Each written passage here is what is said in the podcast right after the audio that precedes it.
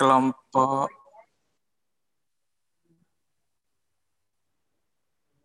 Oke, baik. Silahkan. Ada yang merekam ini tadi. Ustaz kurang tahu. Baik, tafadhal. Baik, Ustaz. Kami dari Rausan dan Rifan 2R akan menjelaskan sedikit tentang manajemen zakat dari masa Rasulullah hingga masa sekarang.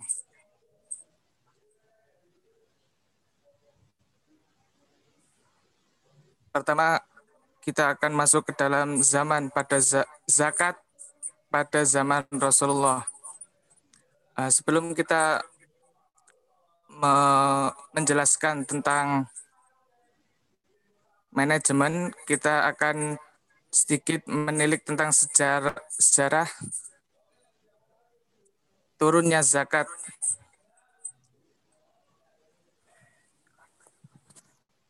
Jadi perintah zakat itu turun bersama surat-surat Al-Quran di Mekah atau yang kita kenal yaitu surat Makiyah. Akan tapi pelaksanaan zakat secara efektif dan komprehensif baru dilakukan setelah 18 bulan atau tahun kedua secara, setelah hijrah. yang tidak lain tidak bukan itu berarti berada di Madinah. Bertepatan pada tahun kedua tersebut, Allah mewajibkan kaum muslimin menunaikan zakat fitrah, yaitu yang terjadi pada bulan Ramadan. Dan setelah uh, tahun ke-9 Hijriah, setelah perekonomian kaum muslimin stabil, kemudian tahap selanjutnya Allah mewajibkan zakat mal. Jadi sebelum dari tahun 2 Hijriah sampai tahun 9 Hijriah ini zakat zakat mal itu belum diwajibkan. Zakat mal hanya bersifat sukarela, yakni hanya berupa komitmen perorangan tanpa ada aturan atau batasan-batasan hukum.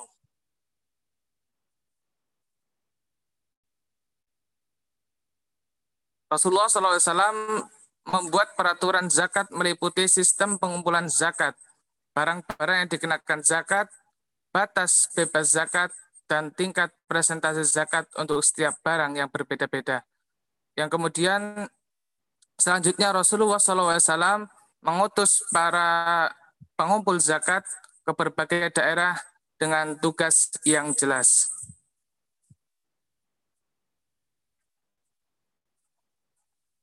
Baik, kita masuk ke pengelolaan zakat pada masa Rasulullah. Eh, Rasulullah SAW mengumpulkan zakat perorangan dengan membentuk panitia pengumpul zakat dari umat muslim atau lembaga Baitul Mal. Diriwayatkan dari Abu Humaid As-Sa'id bahwa Rasulullah SAW menunjuk seorang menjadi pengumpul zakat yang antara lain Rasulullah mengutus Umar bin Khattab, Mu'ad bin Jabal yang ditugaskan di Yaman dan sahabat-sahabat yang lain sebagai amil di tempat-tempat yang berbeda. Kemudian Rasulullah mensosialisasikan siapa saja yang dikenain wajib zakat. Bentuk harta. Jika zakat fitri maka bahan pokok makanan sebesar 3,5 kg yang dizakatkan. Dan adapun jika zakat mal, maka wajib menzakati sebanyak 2,5 persen dari harta kekayaan jika sudah sampai nisab. Kemudian konsep pendistribusiannya adalah apabila di pagi hari zakat itu sudah terkumpul di Baitul Mal, maka sebelum siang atau sore itu sudah dibagikan. Begitu pula jika zakat terkumpul di siang hari, maka sebelum malam tiba zakat sudah didistribusikan. Uh, itulah yang terjadi pada pengelolaan pada zaman Rasulullah Shallallahu Alaihi Wasallam. Sebentar, Ivan. Tadi di sini dikatakan poin yang ketiga, zakat fitri bahan makanan pokok sebesar tiga setengah kilogram. Padahal kita sudah pernah membahas oh, iya. tentang masalah zakat fitri ya. Eh, tak salah itu, Oke. Okay. Baik, ini takarannya berapa? Sudah kita 2,5. Ya, 2,5. Oke, meskipun demikian ada beberapa pendapat ulama yang berbeda-beda ya. Ada yang mengatakan 2,175, ada yang 2,7, ada yang 2,8 dan selanjutnya. Indonesia mengambil tengah-tengahnya 2,2,5. Gitu ya, secara nasional. Nah, sudah kita bahas ini. Next, silakan. Baik, kita masuk masa Abu Bakar As-Siddiq.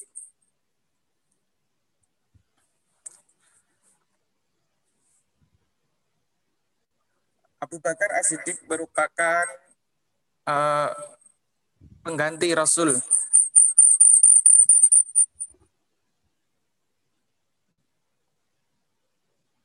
Pemerintahan Khulafaur Rasyidin pertama setelah wafatnya Rasul dipimpin oleh Abu Bakar As-Siddiq. Uh, yang pada masa kekhalifahannya terlihat bahwa pengelolaan zakat tetap berada di tangan pemerintah Hal ini diwujudkan dengan tindakan pemerintah dalam mengatasi pembangkangan kaum muslimin dalam membayar zakat.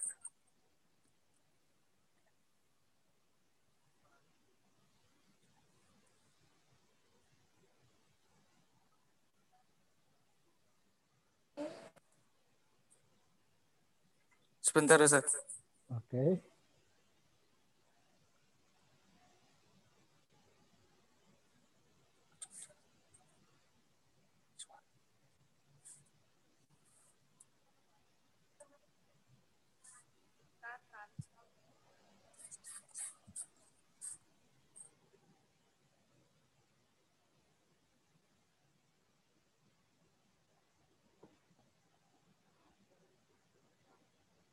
Ya, kenapa kok menjadi keluar, Rifan?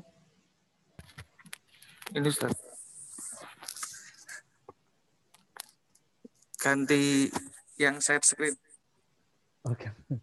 Oke, siapa yang makan share screen berarti?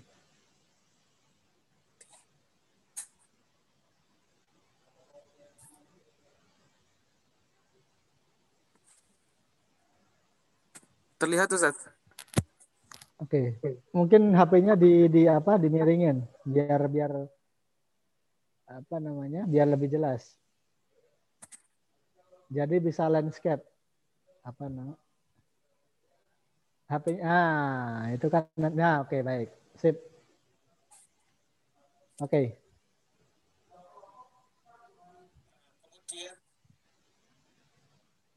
suaranya bisa terdengar sip aman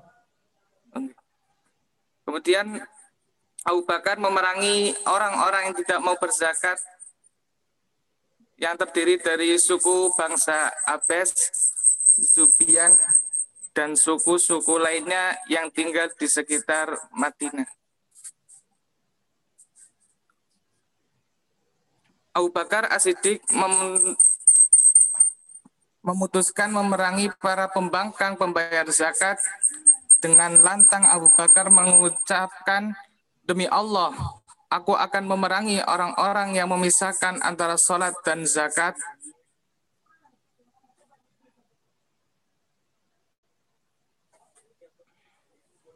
Karena zakat merupakan hak atas harta yang mereka miliki. Kemudian kita masuk pendistribusian pada zaman Abu Bakar. Abu Bakar mengikuti langkah-langkah Nabi Muhammad SAW dalam mendistribusikan dana zakat, yaitu berprinsip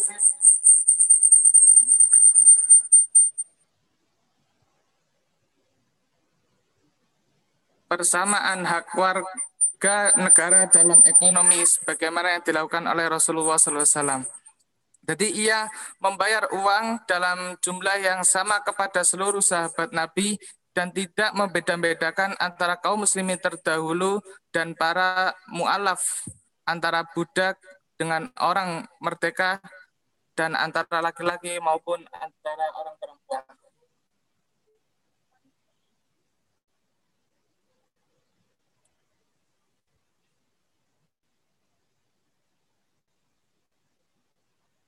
Uh, ini ini dulu Ustaz, langsung dilanjut Ustaz Rausan. Oke. Okay.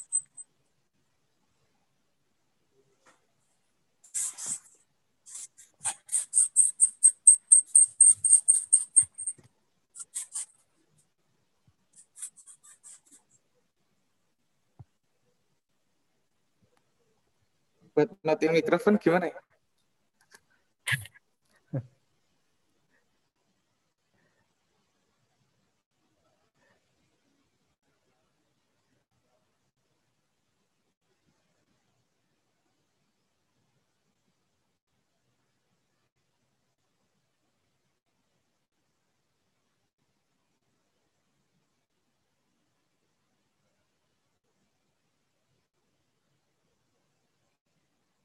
Oke, bisa dilanjutkan. Rasan?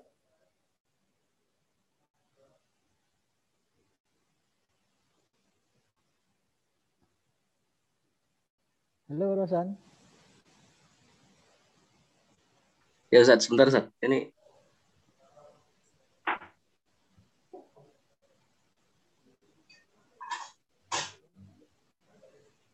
Kemudian zakat pada masa Umar bin Khattab. Umar bin Khattab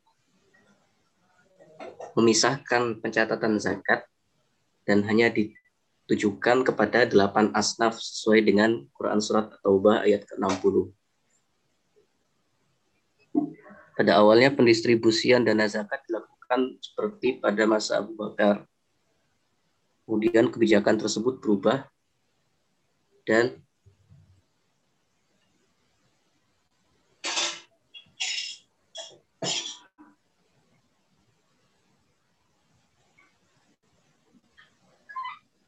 dan melakukan kebijakan pengutamaan dalam pembagian pemberian.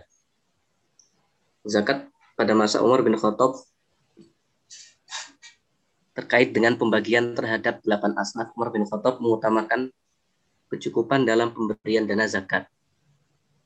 Ibnu Jurai beliau berkata, Umar dan Ibnu Dinar telah menceritakan kepadaku bahwa Umar bin Khattab radhiyallahu anhu telah berkata, kalau kalian diberikan sesuatu, maka cobalah mencukupinya. Zakat pada masa Umar bin Khattab sangat memperhatikan kejelasan penerima zakatnya. Batasan fakir miskin dibuat dengan sangat tegas. Salah satu batasannya adalah aupiyah. Dalam sebuah riwayat disampaikan jika kamu memiliki satu aupiyah maka tidak halal kamu mendapatkan zakat. Satu aupiyah pada masa itu bernilai 40 dirham. Zakat zakat pada masa Umar bin Khattab juga pernah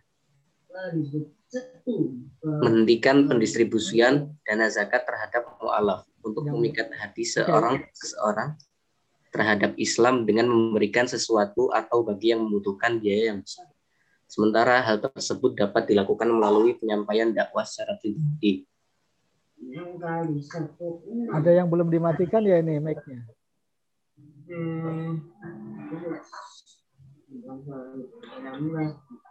Siapa ya?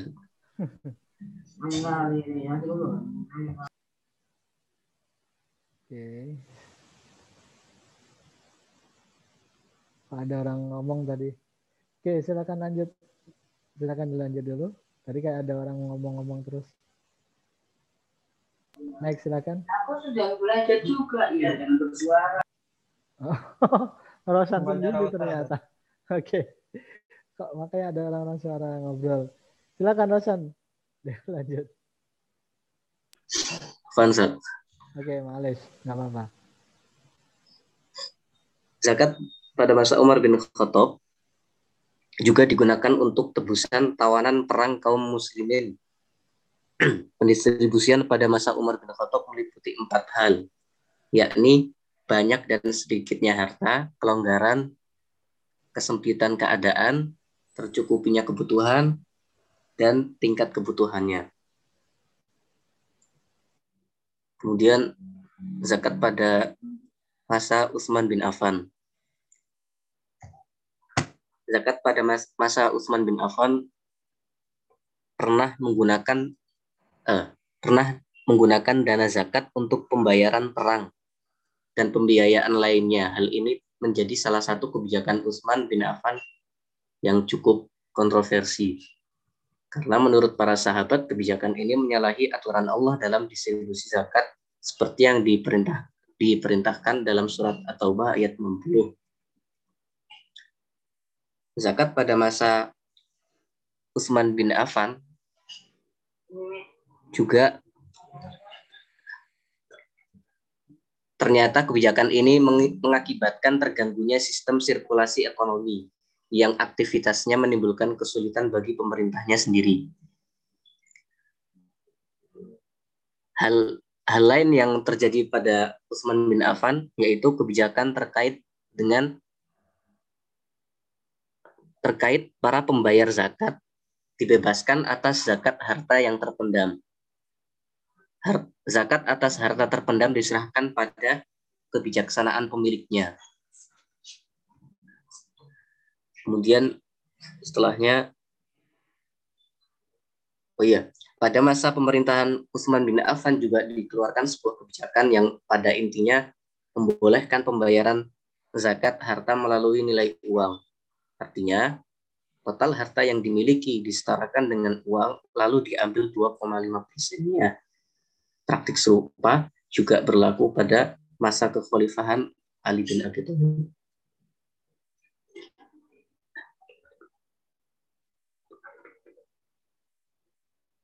Nah, pada masa kekhalifahan Ali bin Abi Thalib itu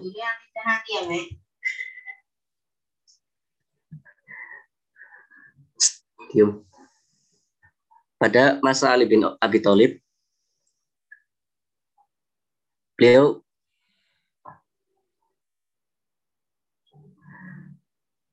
Ali bin Abi Thalib sepakat seperti dengan Abu Bakar yang menganut prinsip pemerataan dalam pendistribusian kekayaan dalam masyarakat. Ali bin Abi Thalib sangat memperhatikan keadilan dalam ekonomi.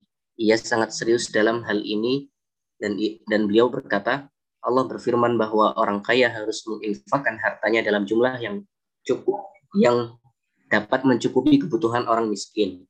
Jika kaum jika orang-orang miskin tidak mendapatkan makanan atau pakaian, ini ini karena orang kaya tidak melaksanakan kewajibannya. Allah akan menyiksanya pada hari pembalasan.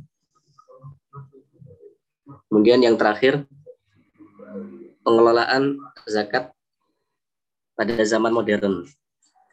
Nah, untuk pengelolaan zakat pada zaman modern ini sebenarnya ada banyak Ustaz. dijelaskan beberapa negara tapi ini uh, secara umumnya saja. Nah, yang pertama model pengelolaan zakat yang modern dan profesional memiliki beberapa ciri utama sebagai berikut. Yang pertama, pengelolaan zakat secara full time, yaitu pengelolaan zakat yang dilakukan dalam jam kerja sehari, sekitar 8 jam dengan jumlah hari kerja minimal 5 hari dalam seminggu. Kemudian yang kedua, harta zakat dikelola oleh orang-orang yang memiliki kompetensi, yaitu setiap tenaga amil zakat memiliki kapasitas dan kapabilitas sesuai dengan pos kerjanya masing-masing. Kemudian yang ketiga, seluruh pengelola atau amil zakat mendapatkan balasan jasa yang wajar, yaitu seluruh pengelola yang terlibat dalam pengelolaan harta zakat tersebut mendapatkan gaji atau upah yang layak, sekurang-kurangnya memenuhi keperluan standar untuk hidup dan menghidupi keluarga keluarga, tentunya dengan menggunakan standar sesuai peraturan daerahnya.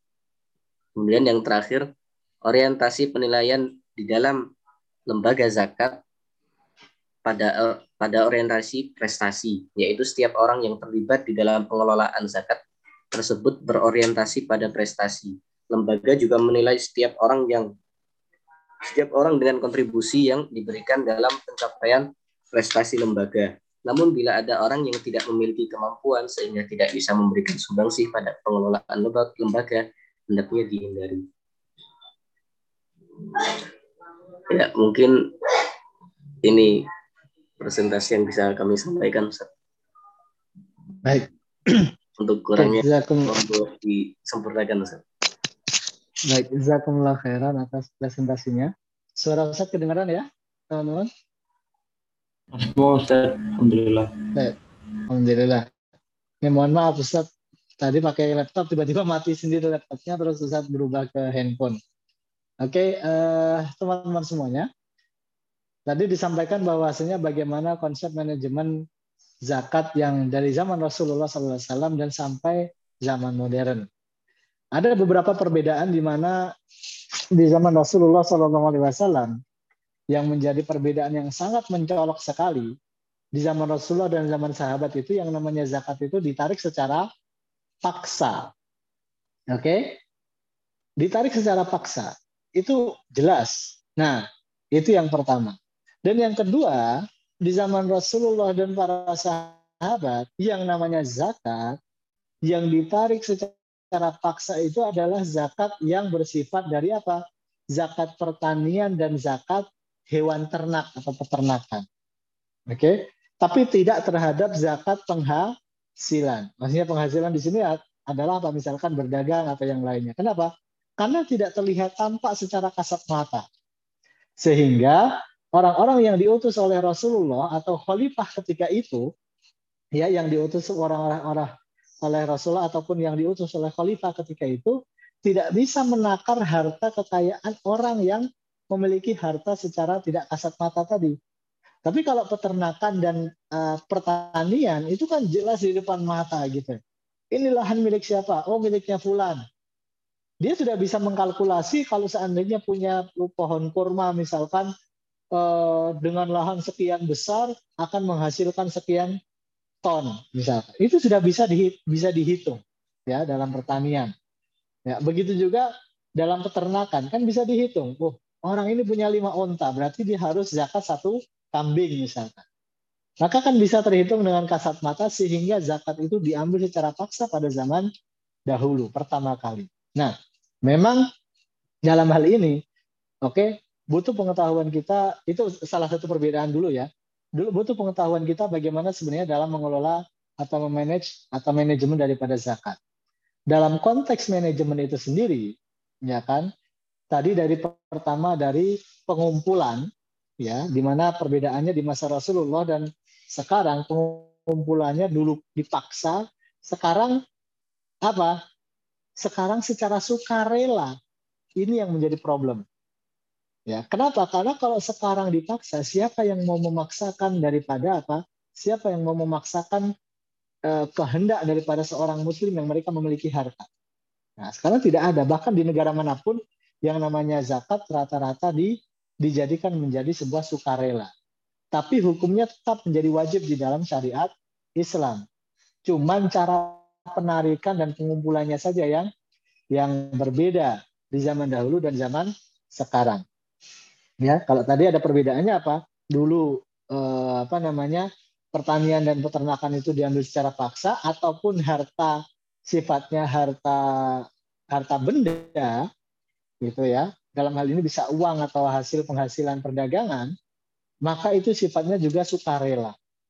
Ya, sebagaimana sekarang. Kalau sekarang semuanya sukarela, bahkan petar pertanian atau peternakan itu pun sifatnya sukarela, tidak ada yang berani mengambil secara paksa.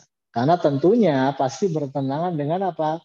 Bertentangan hukum undang-undang yang dibuat oleh manusia itu sendiri. Nah, ini yang yang terjadi saat ini.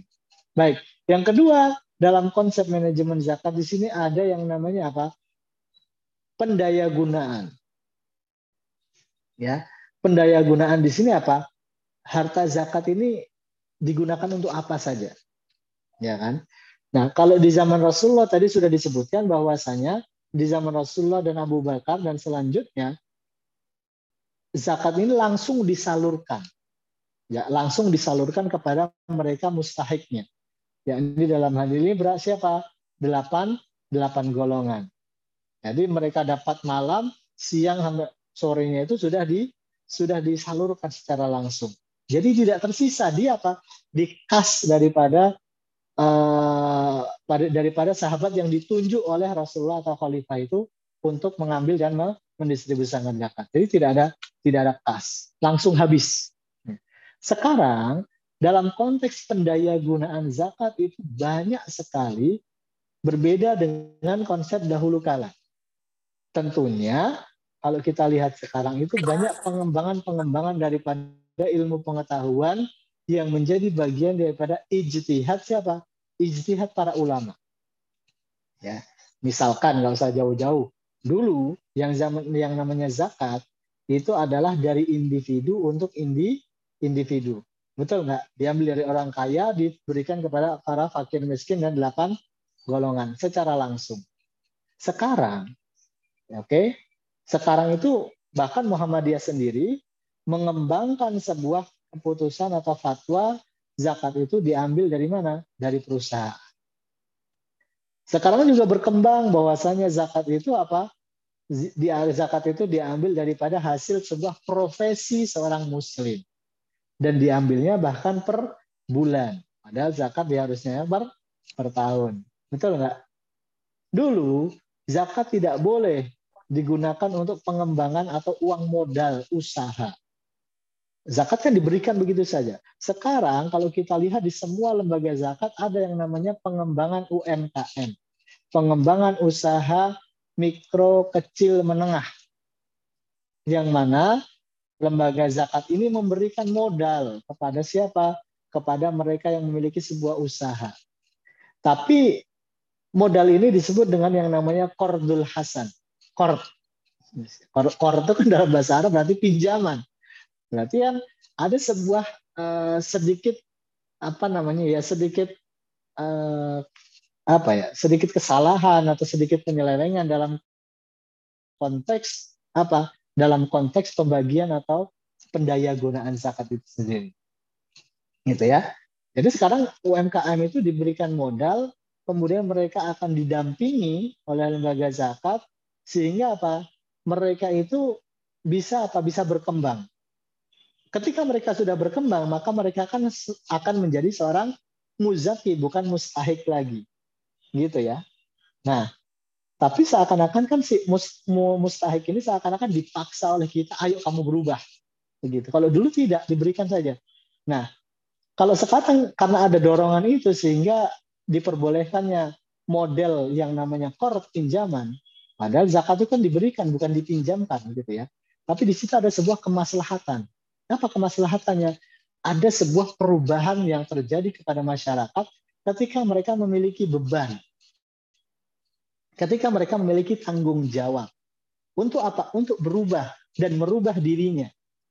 Jadi ketika mereka memiliki tanggung jawab untuk merubah dirinya dari seorang mustahik menjadi muzaki, ya maka itu menjadi sebuah apa? Sebuah power yang bisa mendorong seseorang berubah. Meskipun hal tersebut tidak ada di zaman Rasulullah atau zaman para sahabat. Karena zakat diberikan begitu saja, cuma-cuma. Terserah mau digunakan untuk apa saja. Nah, ini menjadi bagian daripada bagaimana sebenarnya pengelolaan zakat yang terjadi saat ini. Ya. Nah, kemudian dalam itu dalam konteks pendaya gunaan ya. Kemudian dalam konteks pendistribusian. Nah, ini kembali lagi dalam konteks distribusi, kalau di zaman Nabi dan para sahabat, yang namanya zakat setelah diambil langsung didistribusikan. Oleh siapa? Ya oleh sahabat yang ditunjuk untuk mengumpulkan zakat. Ya, yang pertama. Sekarang zakat dikumpulkan, setelah dikumpulkan apa?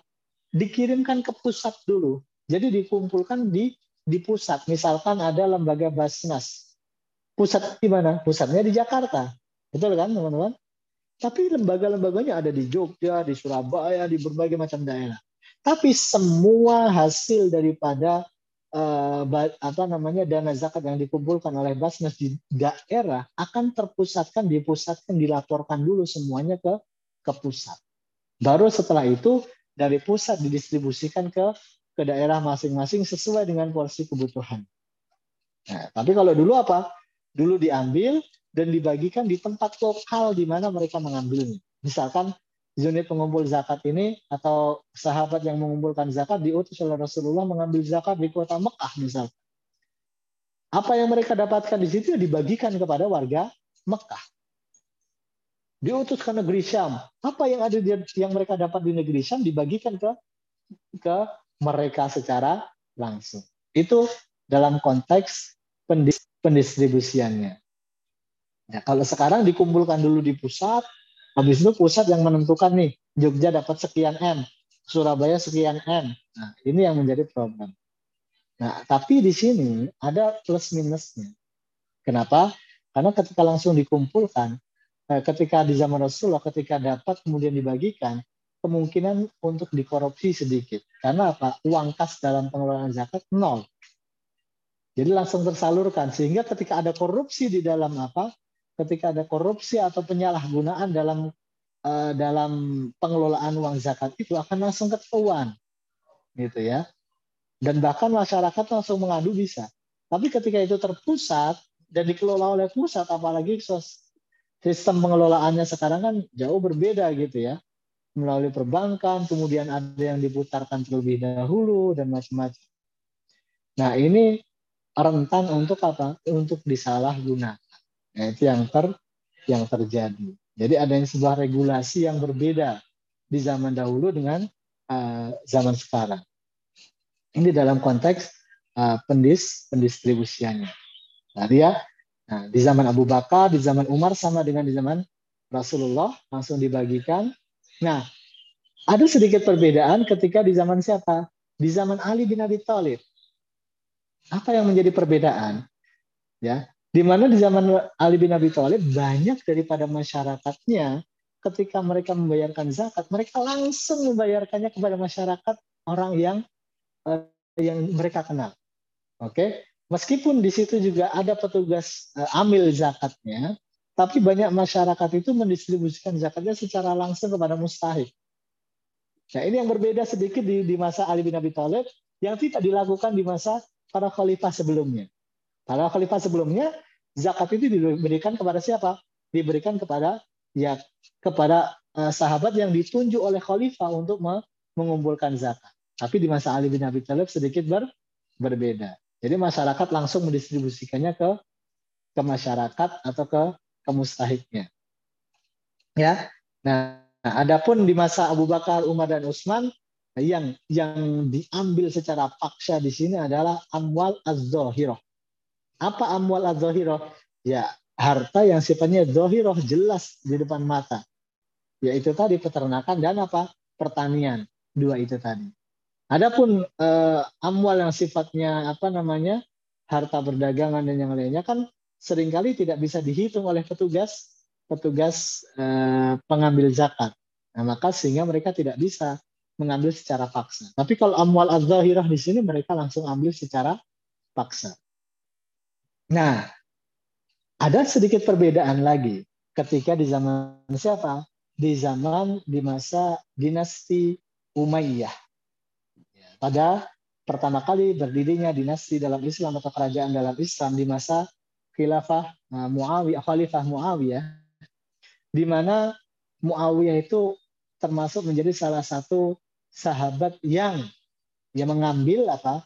Mengambil atau memotong daripada hasil uh, gaji daripada pekerja itu mereka yang bekerja di negara atau bisa dikatakan pajak. Ini yang terjadi pada masa Muawiyah. Jadi mereka langsung Muawiyah ini langsung memotong apa? Memotong gaji daripada para pegawainya yang bekerja di kerajaan, tapi di negaranya. Sehingga ini tentu berbeda dengan apa? Dengan zakat. Kalau kalau pajak kan ada sebuah pemaksaan dalam kedoliman. Betul nggak? Karena dalam Islam hukumnya pajak itu haram. Kalau zakat wajib bertolak belakang. Kenapa kok zakat haram? Karena zakat itu diambil secara paksa, baik secara mereka orang-orang yang kaya ataupun orang yang miskin. Kalau orang yang kaya, nah ini, ya ini yang terjadi di masa Muawiyah teman-teman yang menarik. Ketika Muawiyah mengambil atau memotong daripada gaji para pegawainya, itu yang dipotong mereka adalah orang-orang yang mampu, orang-orang yang kaya. Kenapa? Karena di masa itu mereka membutuhkan sebuah biaya yang besar sekali untuk dakwah Islam dan ketika masa itu terjadi penaklukan di berbagai macam negeri. Dan bahkan dalam sejarah Islam kita ketahui eh, bahwasanya umat Islam pada masa dinasti Umayyah dan Abbasiyah itu kan umat Islam bisa menduduki apa dua per tiga dunia. Dari mana dana berperang, dari mana dana dakwah kalau seandainya eh, tidak diambil dari masyarakat itu sendiri. Sehingga dalam masa Umayyah, pemerintahan dinasti Umayyah ini ada yang namanya pengambilan pajak tapi yang diambil dari orang kaya secara langsung. Ya, bukan orang bukan orang-orang miskin. Nah, bahkan para ulama akhirnya berpendapat kan saat ini pun pendapat itu masih dipegang oleh sebagian besar para ulama zakat itu eh pajak itu boleh diambil ketika apa? Ketika negara dalam keadaan darurat. Jelas? Negara dalam keadaan darurat. Misalkan apa? Misalkan negara dalam keadaan Eh, korup terdapat apa namanya moneter, krisis moneter. Berarti kan darurat membutuhkan sebuah dana untuk pemulihan ekonomi negara. Atau negara itu diserang oleh penjajah atau negara lain. Maka membutuhkan alat-alat alutista dan alat-alat perang yang lainnya. Maka nggak masalah ketika itu pemimpin menerapkan pajak kepada mereka rakyatnya yang mampu. Adapun tidak mampu mereka tidak tidak dikenakan pajak karena para ulama tetap sepakat. Ketika pemimpin itu menerapkan pajak, tetap tidak boleh mengambil kepada mereka yang tidak mampu. Itu menjadi ijma ulama. Ya teman-teman. Nah, kembali ke masa dinasti Umayyah, maka dinasti Umayyah ini mereka mengambil pajak dari gaji para para pegawai negara. Juga ketika itu bahkan di masa pemerintahan Hisham bin Marwan, ya, dia itu mendirikan sebuah kantor pemerintahan khusus yang bernama dengan Diwan As-Sadaqah atau Diwanus Sadaqah, Maktab Sadaqah atau kantor Sadaqah atau dikatakan Basnas sekarang ya, ya, lembaga zakat atau kantor zakat. Nah, nah dalam konteks pengumpulan zakat yang dilakukan oleh petugas itu mereka apa? ini yang menjadi kelemahan di masa ketika itu apa? Mereka tidak bisa membedakan ketika mengambil pajak dan mengambil zakat sehingga uang ini tercampur antara tercampur dengan keuangan administrasi negara. Ya karena ketika itu belum punya ilmu mungkin dalam apa? Dalam bagaimana pembukuan ya kurang lebih begitu. Sehingga tercampur antara zakat dengan apa? Dengan uang yang diambil secara secara wajib dari pegawai pemerintah atau pegawai, pegawai negara. Jadi uh, apa kekurangan pada dinasti Umayyah itu adalah mencampurkan uang zakat dan uang pajak ketika itu. Sehingga apa? Uh, ketika itu tidak ada yang namanya di zaman Umayyah ini tidak ada petugas zakat secara khusus atau tidak ada petugas amil zakat secara khusus. Ya. Kalau di masa Rasulullah dan sahabat kan ada. Ketika itu Rasulullah menunjuk Umar dan Ali. Di masa para sahabat ada yang namanya Ikrimah. Ya, di masa Rasulullah pun Ikrimah menjadi salah satu sahabat yang di yang ditunjuk oleh Rasulullah untuk mengumpulkan zakat. Tapi tidak di masa Umayyah. Jadi apa? Sehingga pendistribusian zakat itu sendiri sering kali tidak sesuai dengan konsep syariat Islam. Nah, itu di di masa pemerintahan Umayyah itu sendiri.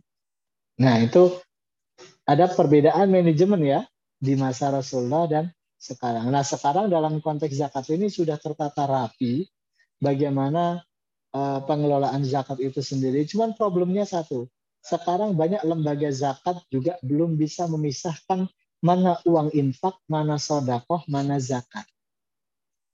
Bisa terbayang nggak teman-teman? Bisa terbayang nggak? Dulu di masa Umayyah tadi tidak bisa membedakan mana zakat, mana pajak. Ya, sekarang lembaga zakat belum bisa memisahkan mana zakat, mana infak, mana sodak. Padahal ketiga hal ini kan berbeda. Sudah kita sudah kita lakukan, sudah kita jelaskan ya, kita pelajari ya. Zakat itu lebih khusus, lebih lebih apa ketentuannya lebih lebih baku karena ibadah mahdoh. Infak dengan sodako itu lebih bebas karena sifatnya sunnah. Yang ini wajib. Betul ya teman-teman? Sehingga sering kali banyak saat ini lembaga zakat pun salah dalam mendistribusikan zakatnya, misalkan seperti apa? Uang zakat digunakan untuk membuat sumur, misalkan. Boleh nggak kira-kira Juanda?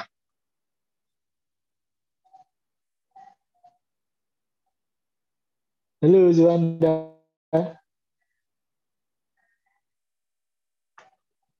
Oh, nggak ada orang. Iya Ustaz. Ya, Boleh Ustaz. suara Ustaz jelas nggak? Jelas sekali, Jelas, Ustaz. jelas, Jelas dari tadi Ustaz ngomong? Jelas ya? Iya. Oke, Alhamdulillah. Kembali tadi. Boleh nggak uang zakat digunakan untuk menggali sumur? Tidak Ustaz.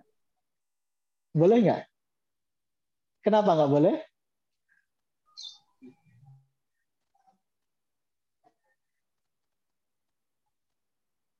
Kenapa? Karena sumur itu diperuntukkan untuk apa? Untuk masyarakat secara langsung. Ya, sumur itu bentuknya wakaf, tapi bukan individu. Karena zakat itu sifatnya untuk apa? Untuk individu begitu kan? Harusnya begitu. Nah, sumur itu bukan individu, maka bisa diperuntukkan um- sumur itu bisa diambil dari dana apa? Wakaf. Sehingga tidak tepat ketika uang zakat digunakan untuk apa? Membangun sumur. Tapi boleh nggak ketika membangun sumur dengan menggunakan dana zakat sedekah dengan infak? Boleh nggak? Boleh nggak? Boleh. Kenapa? Karena ini tidak wajib dan ini tidak ada ketentuannya untuk apanya. Betul kan? Nah, sekarang menjadi kelemahan lembaga zakat itu belum bisa membedakan ini ketiga hal ini. Itu problemnya. Ya. Sekarang kan bisa terbayang dulu orang nggak bisa membedakan mana zakat, mana pajak. Sekarang saja tidak bisa membedakan mana zakat, mana infak, mana sodako. Hampir mirip ya kejadiannya ya, teman-teman ya. Nah, ini yang terjadi pada eh, konsep pengelolaan zakat saat ini di dalam apa lembaga-lembaga zakat. Baik, sebelum sampai sini ada pertanyaan nggak? Silakan.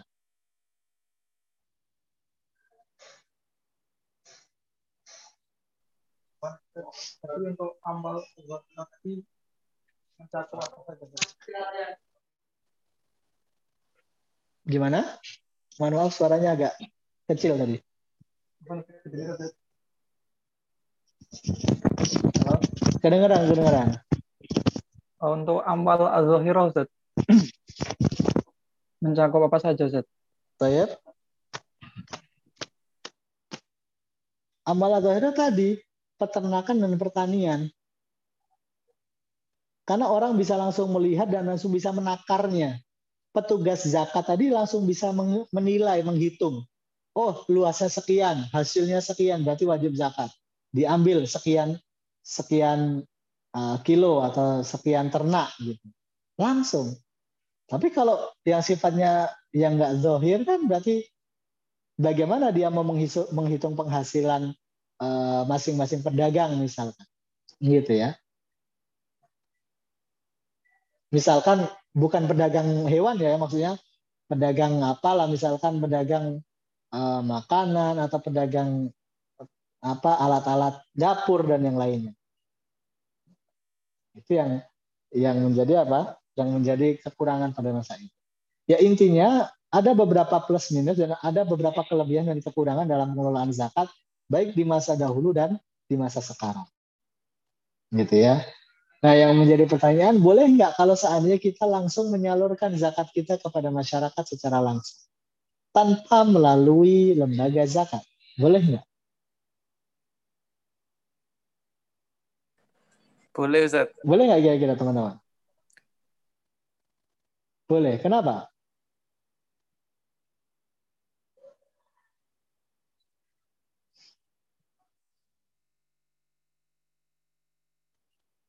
Kenapa kok boleh?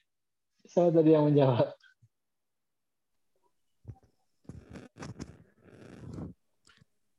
Karena anu Ustaz, Silakan siapa yang lembaga menjawab tadi? Oke. lembaga pengumpul itu hanya sarana, bukan termasuk sesuatu yang wajib dalam zakat Ustaz. Oke, benar Maulan. Terima kasih. Jadi, kenapa boleh? Karena mereka itu hanyalah sebuah sarana. Jadi kalau kita lihat dalam konteks peraturan negara, pengelolaan zakat oleh negara bukanlah tujuan. melainkan hanya sebuah sarana. Ya, itu sarana untuk pengelolaan. Tujuan utama pengelolaan zakat yaitu apa? Tersampainya zakat kepada mustahik secara tepat sasaran dan dengan kemanfaatan yang optimal. Jelas ya?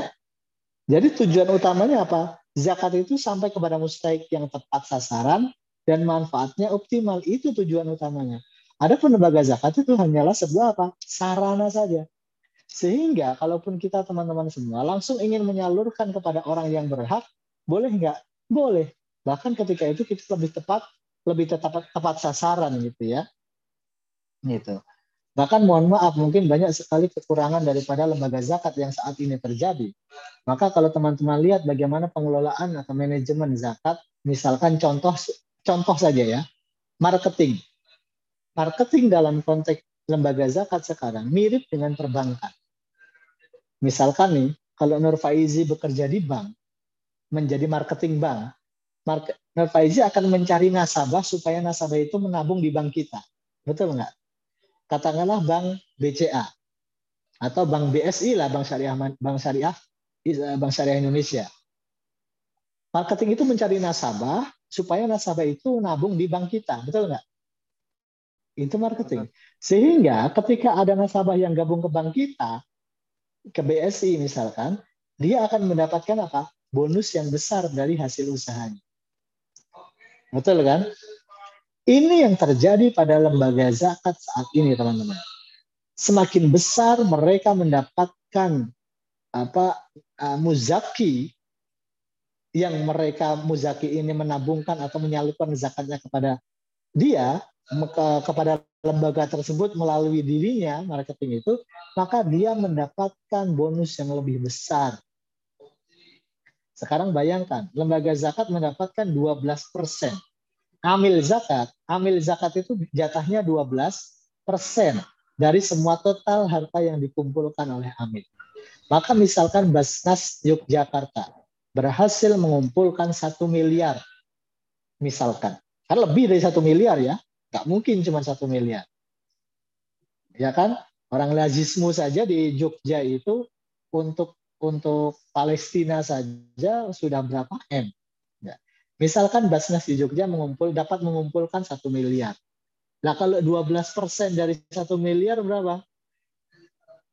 120 juta.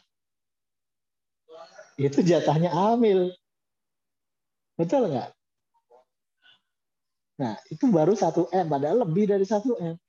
Nah, dari 120 juta inilah yang kemudian apa marketing daripada orang yang mengumpulkan zakat tadi mendapatkan jatah bonus yang besar.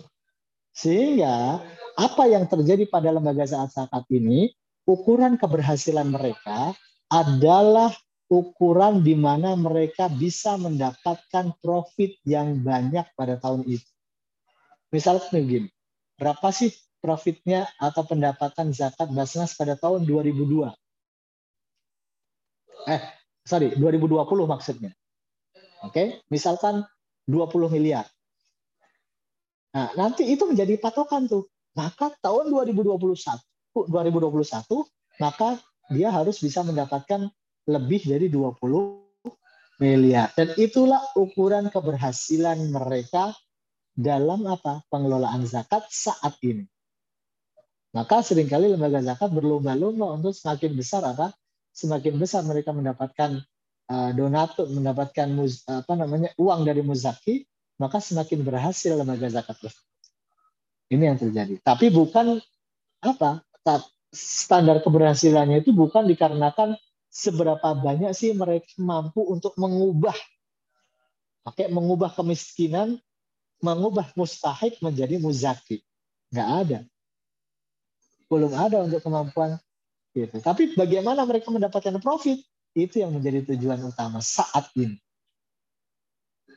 Nah ini yang terjadi pada lembaga zakat dalam pengelolaan uang zakat. Sehingga banyak sekali sekarang dana zakat diputarkan oleh beberapa lembaga zakat. Gitu ya. Padahal dulu zakat langsung diberikan secara gitu saja. Sekarang zakat bisa digunakan untuk infrastruktur, zakat bisa digunakan untuk itu tadi untuk bangun universitas, untuk bangun sekolah dan yang lain. Padahal kan kita sudah ada yang namanya apa? Dana wakaf itu sendiri. Gitu ya. Harusnya kan zakat itu digunakan untuk orang yang belajar, misalkan mahasiswa atau siswa atau mereka yang bisa bililah gitu. Bukan untuk membangun sekolahnya. Kalau membangun sekolahnya ada yang namanya dana wakaf. Betul tidak? Nah, harusnya begitu. Tapi banyak yang masih belum bisa apa? Belum bisa memilih, uh, belum bisa memisahkan antara kedua kedua hal tadi mana wakaf, mana zakat. Di dalam lembaga zakat pun juga susah untuk memisahkan mana dana zakat, mana dana infak, mana dana sodako. Itu yang terjadi. Sehingga sering kali pendistribusiannya ya ada kesalahan dalam di dalamnya gitu ya. Karena kan zakat cuma untuk delapan golongan. Jelas ya teman-teman? Oke, baik. Ada pertanyaan sampai sini silakan. Nah, apa Ustaz mau bertanya Ustaz? Ada. Nah, berkaitan tentang distribusi zakat Ustaz. Jadi eh, ini juga mau sedikit cerita juga Ustaz berdasarkan pengalaman ahli juga. Eh, pas kejadian di zakat fitrah itu Ustaz, eh, jadi apa ya? Kurang saya itu mungkin saya mau nanyakan tentang definisi kan ada di diberikan kepada mustahik yang 8 golongan itu Ustaz. Nah, sementara definisi apa ya fakir atau miskin itu sendiri yang jelasnya seperti apa Ustaz? Soalnya kan kadang ada ya Ustaz, Ustaz ya orang yang pengangguran dengan sengaja gitu loh. Pengangguran yang emang ya emang nggak mau kerja gitu kan. Nah gitu apakah itu termasuk delapan golongan juga yang disebut fakir miskin atau bagaimana gitu kan kalau ngomong gitu kan kayak keenakan juga gitu. gitu. Oke. Jadi poinnya gimana maksudnya gimana tadi? Jadi ya orang apakah yang ter, apa yang yang si pengangguran ini nih saat nih yang misalnya beliau tidak memang sengaja tidak ing, apa tidak bekerja ini termasuk si fakir atau miskin itu atau bagaimana Ustaz atau ya diberikan berhak gitu dalam zakat ini atau tidak Ya gitu? kalau baik, kalau mereka betul-betul tidak bekerja, maksudnya memang tidak punya pekerjaan, ya mereka berhak. Tapi kalau mereka itu malas-malasan ya kembali lagi ya ya sebenarnya kalau kalaupun malas kan mereka juga memiliki tanggung jawab. Siapa tanggung jawabnya? Keluarganya kan. Banyak nggak yang seperti itu? Banyak juga laki-laki yang kerjaannya cuma mancing doang. Iya kan? Istrinya istrinya bekerja misalkan guru TK atau SD suaminya mancing doang. Ada nggak? Ada. Apakah mereka kemudian berhak mendapatkan zakat? Nah, bisa menjadi contoh begitu ya. Nah. Nah, maka kalau kita lihat sebenarnya tetap saja kondisi mereka miskin nggak? Cukup nggak kondisi mereka sebenarnya? Kan nggak cukup juga tuh. Betul kan? Maka ketika kondisi mereka saja nggak cukup ya berarti uh, pada dasarnya mereka berhak untuk mendapatkan. Kenapa? Karena mereka bagian golongan daripada orang-orang fakir miskin. Gitu ya. Adapun kewajiban dia untuk bekerja kan kembali urusan dia sama Allah. Kalau dia tidak bekerja berarti kan dia sudah uh, apa ya menyimpang dari fitrahnya laki-laki dan dia berarti sudah apa ya uh, di satu sisi ya dia tidak mematuhi perintah Allah. Bagaimana Allah membuat perubahan pada diri dia dan keluarga dia. Gitu. Artinya kan dia sendiri yang berdosa karena tidak menafkahi keluarganya. Adapun Islam hanya sekedar membantu mereka. Nah ini yang terjadi pada mindset orang-orang Islam. Ketika kita berusaha untuk merubah ekonomi umat, yang namanya zakat, pernah kita bahas ya, dalam pendistribusian zakat, tujuan utama tujuan utamanya adalah merubah ekonomi masyarakat, betul nggak? Yang tadinya dari mustahik menjadi muzaki. Salah satu kesalahan dalam membayarkan zakat adalah dibayarkannya zakat itu secara icrit-icrit. Apa icrit-icrit? Uh, misalkan zakat 5 juta misalkan. Ya, saya bagi ke teman-teman cuman 300 ribu, ada yang 500 ribu, ada yang 100 ribu. Itu yang maksud icrit-icrit apa? Sedikit-sedikit. Ya. Sehingga ketika kalian saya kasih 300 ribu, apa perubahan yang ada dalam diri kalian? Gak ada yang berubah adalah porsi makan pada satu atau dua hari ke depan. Itu saja. tapi tidak merubah secara ekonomi. Bagaimana orang mau merubah ekonomi kalau rumah dikasih cuma 300 ribu? Ini kesalahan dalam membayar zakat, betul nggak? Tapi harusnya, misalkan nih, saya tahu Kemal berusaha, tapi dia termasuk orang miskin, misalkan. Saya kasih nih Kemal, saya punya zakat 5 juta, silahkan. Ini uang zakat saya berikan ke kamu, mudah-mudahan ada perubahan. Tujuannya adalah supaya uang 5 juta itu bisa dijadikan modal, dan akhirnya next time atau uh, tahun depan dia bisa apa mendapatkan penghasilan.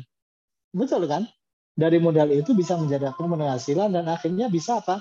menjadi muzaki. Harusnya begitu. Tapi mindset orang Indonesia berbeda. Ini Kemal, saya kasih 5 juta. Apa yang terjadi? Dibelikan HP sama Kemal. Samsung 5 juta, selesai. Apa yang berubah dalam diri Kemal kalau cuma dijadikan HP? Nggak ada. Hanya untuk kebutuhan sekunder. Maka sebenarnya masyarakatnya juga salah. Karena mereka apa tidak mau berubah. Gitu ya. Nah ini yang terjadi pada kondisi masyarakat kita di Indonesia saat ini. Tujuan kita begitu untuk merubah kondisi keadaan, tapi masyarakatnya sendiri tidak paham. Gitu ya, tidak mau berubah. Nah ini problem, masalah mentalitas itu. Oke? Okay? Baik, silakan ada pertanyaan lagi, teman-teman.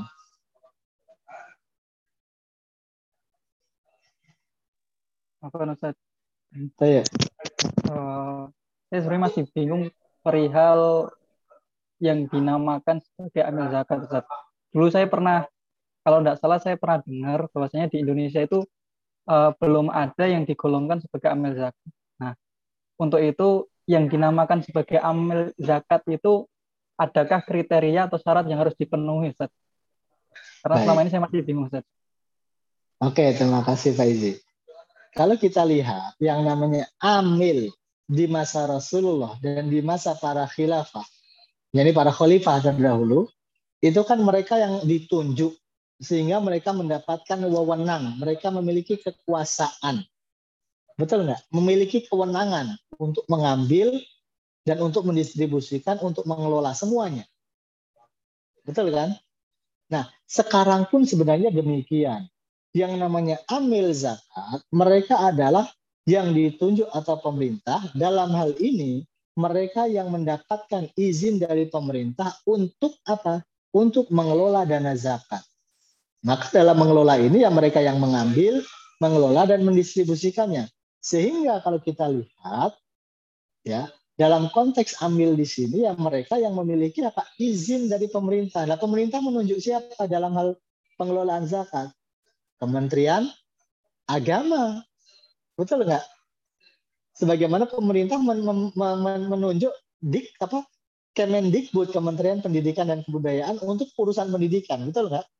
Nah, dalam urusan agama, zakat termasuk urusan agama, maka yang ditunjuk pemerintah agama pemerintah agama inilah yang akan mengeluarkan lisensi terhadap yayasan atau lembaga mana pun yang mereka tujuannya untuk pengelolaan zakat. Maka ketika mereka mendapatkan lisensi inilah mereka baru bisa atau berhak disebut sebagai amil zakat. Karena mereka yang yang yang disebut amil zakat harus memiliki apa? Kewenangan. Harus memiliki apa? Harus memiliki eh, apa ya? ya kekuasaan bukan kekuasaan ya intinya harus memiliki uh, kewenangan untuk mengelola. Nah kewenangan itu datangnya dari siapa? Dari pemimpin. Pemimpin mengutus siapa ya? Departemen Agama. Nah ketika sudah turun lisensi itu mereka berhak mendapatkan atau mereka berhak disebut sebagai amil itu sendiri. Bukan yang sifatnya musiman seperti takmir masjid. Mereka nggak punya lisensi, nggak punya izin, mereka kerjanya cuma setahun sekali bulan Ramadan doang, ya maka sebenarnya mereka bukan amil zakat. Ya. Dan ada syarat-syarat khusus juga di situ uh, ditentukan siapakah mereka yang berhak menjadi amil. Gitu. Kalau di zaman Rasulullah mereka yang dituju adalah orang yang mengerti betul. Mereka mengerti agama, mereka mengerti dalam uh, konteks apa? Uh, dalam konteks zakat, perhitungannya, mereka pandai dalam hal itu. Itu yang ditunjuk. Maka sekarang pun harusnya demikian. Gitu. Sekarang kan karena sistemnya sekarang kelembagaan, Ya, maka lembaga kan yang harusnya mendapat izin dari pemerintah dulu adalah orangnya.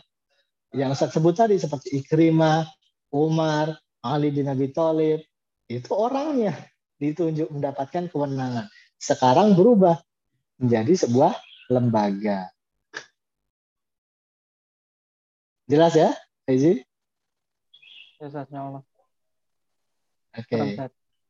Ada yang lain?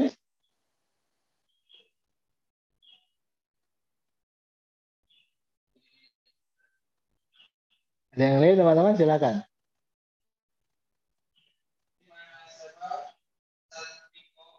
Oke. Kalau tidak ada Ustaz kira cukup ini untuk ini ya. Untuk pertemuan kita sore hari ini sudah jam 5 juga. Saya juga harus pulang ke rumah ini. Masih di UMG. Eh, teman-teman semua untuk next eh, kelompok selanjutnya siapa? Kelompoknya siapa? Minggu depan.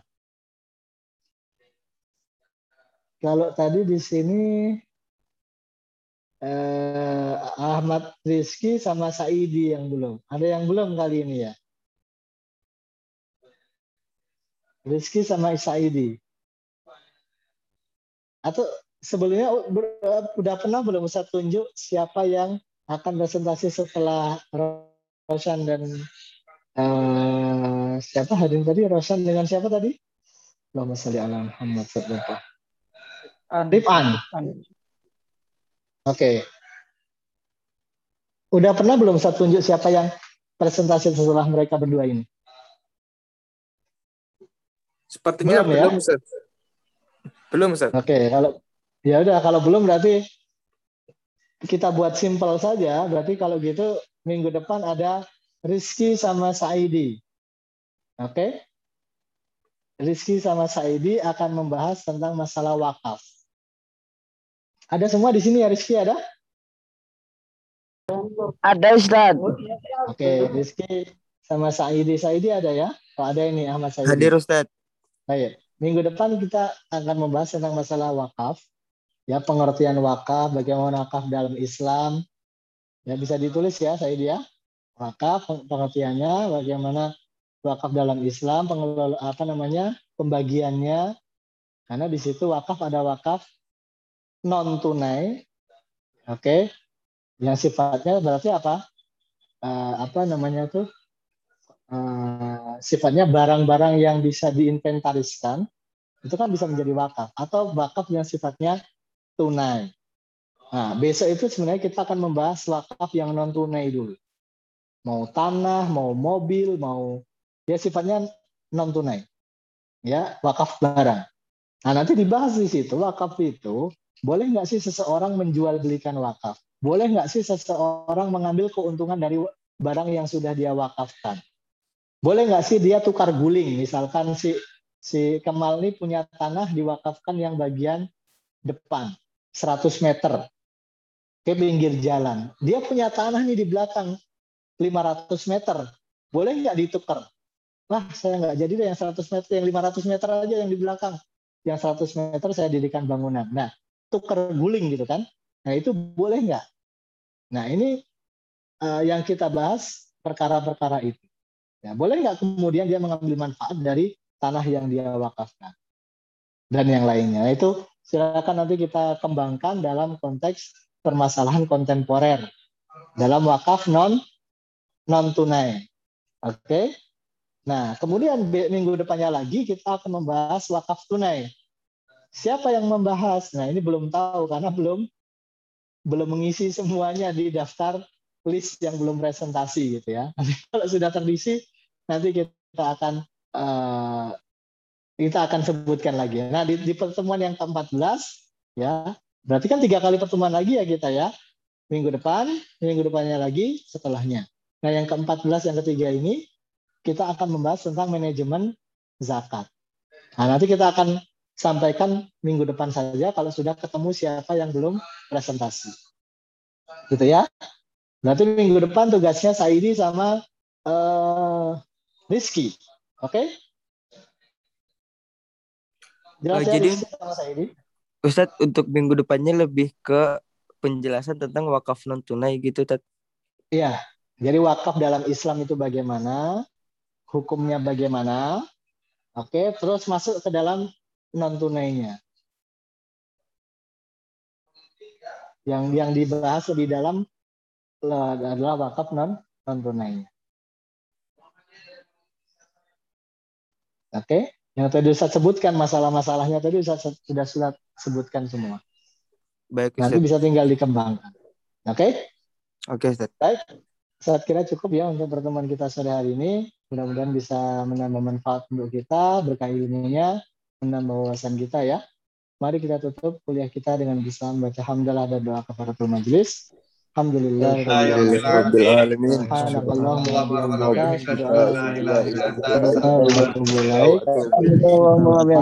warahmatullahi wabarakatuh. Waalaikumsalam warahmatullahi wabarakatuh. Jazakumullah khair.